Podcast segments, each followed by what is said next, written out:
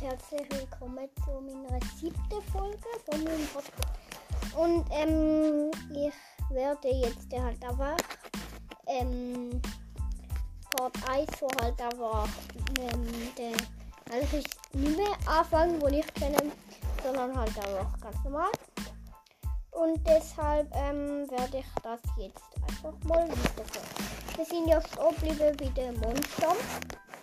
Also ich werde jetzt mal sagen, jetzt der, wo wir, ähm, wenn wir, wo wir wieder reingehen, also reingehen, eigentlich weitergraben, damit man einen Lava-See findet. Und weil der braucht man zum den weiteren Schritt. Und zwar, also musst du einfach weitergraben, aber mit einem Tunnel und dort wieder Abzweigungen, Abzweigungen. Oder? Und dann irgendwann stoße ich sicher auf eine Höhle, wo es einen Lavasee hat und dort ähm, brauchst du zuerst mal einen Kessel oder einmal, das ist ein Kessel, musst du reinbauen. Und ich muss mal mein Jäckchen abziehen. Recht warm.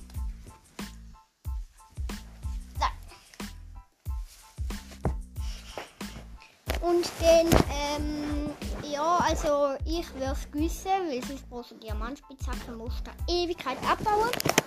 Und da geht so, du musst halt einfach fünf Blöcke, ähm, also fünf Blöcke abzählen und dann auf dem sechsten ähm, Wasser platzieren.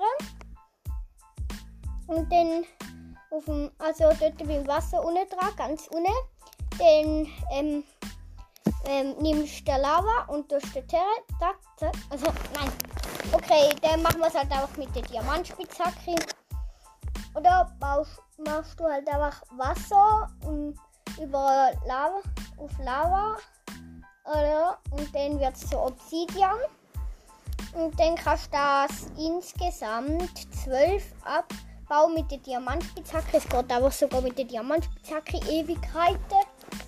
Und dann, ähm, ja, dann hast du den, halt das Obsidian. 12 brauchst Ja, zum Verzaubern brauchst du nochmal 3, also 15. Und dann ähm, du unten drauf platzieren. Dann ganz links und ganz rechts musst du je auch eins drüber platzieren. Wieder ganz links und ganz rechts eins drüber. Und dann oben dran halt einfach alles tun. Also nochmal vier oben drauf. Dann musst du das anzünden, dann bist, äh, kannst du durchlaufen und dann bist du im Nether. Und dort im Nether musst du halt äh, Festung suchen. Ich weiß jetzt nicht genau, welche Richtung, weil es gibt auch zwei Richtungen. Dort ist eine Festung mega selten. Also wenn ich dann mal weiß, dann werde ich es sagen. Und ähm, aber genau. Ähm, ja, jetzt weiß ich das halt nicht. Und dann auf jeden Fall äh, nicht der Festung sieht das, der erkennt man, wenn man es sieht. Da ist halt auch so Ziegel, so rote Ziegel und so weiter. Und dort muss man halt einen Losbahner suchen, also einfach so, ich keine Ahnung, sieht irgendwie so ein Käfig aus wie so ein Käfig, wo irgendwie so Flammen drin sind. Und dort äh, spawnen regelmäßig Loh und die muss halt besiegen, bis du insgesamt ungefähr, ich sage mal 20 Uhr gut hast. Ah nein, ich, ja, so ungefähr 16 braucht man auf jeden Fall. Haben wir die umgekurvte, so ähm, Lohe, Lohe, Staub, genau so heißt das. Und dann, ähm, ja, von Endermans Enderperle tut man halt jetzt zusammencraften, dann hat man Enderaugen. Und mit den Enderaugen kann man dann wieder rausgehen. Und dann, also falls man es überhaupt nicht überlebt hat, weil der Nether ist wirklich gefährlich, dann kann man rausgehen und dann kann man das werfen und da fliegt dann in eine spezielle Richtung.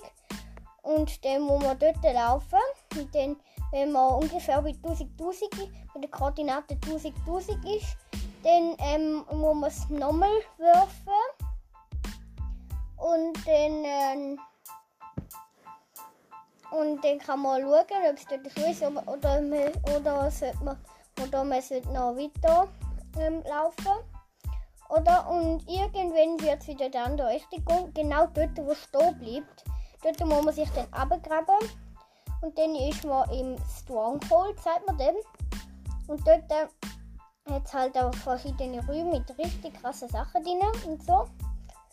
Und dort ähm, hat es halt irgendwie in der Portalraum, dort hat es einen Silberfisch vorne, der ist auch ein bisschen dumm dort platziert, weil man denkt sich so, jo, jetzt äh, spiele ich es durch und dann kommt einfach, und dann kommen einfach so die Silberfisch und die sind recht gemein. Also sie machen zwar nicht so viel Schaden und haben auch wenig Leben, aber zusammen sind recht mies. Und dann muss man halt einfach dort äh, ähm, Enderauge rein tun die Rahmen. Also ganz, ganz, wirklich ganz lack ist, wenn alle schon drin sind. Aber das passiert halt fast nie. Aber ähm, ja, dann kann man